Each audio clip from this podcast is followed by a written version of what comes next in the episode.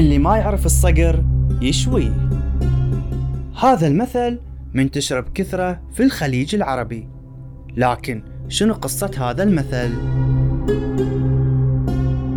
الصقر معروف عنه من القدم طير غالي الثمن.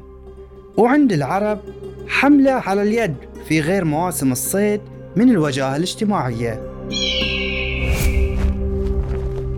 الصقر من الطيور الجارحة وغير قابلة للأكل.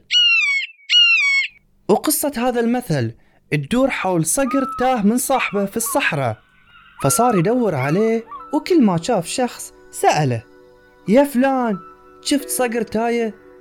والكل كان يرد بالنفي. صاحبنا وهو يدور على الصقر شاف راعي يشوي طيور فسأله يا راعي شفت صقر مر من هني؟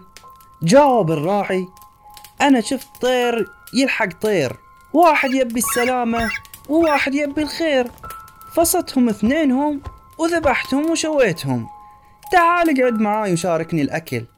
فصفق صاحب الصقر شف على شف وقال اللي ما يعرف الصقر يشويه.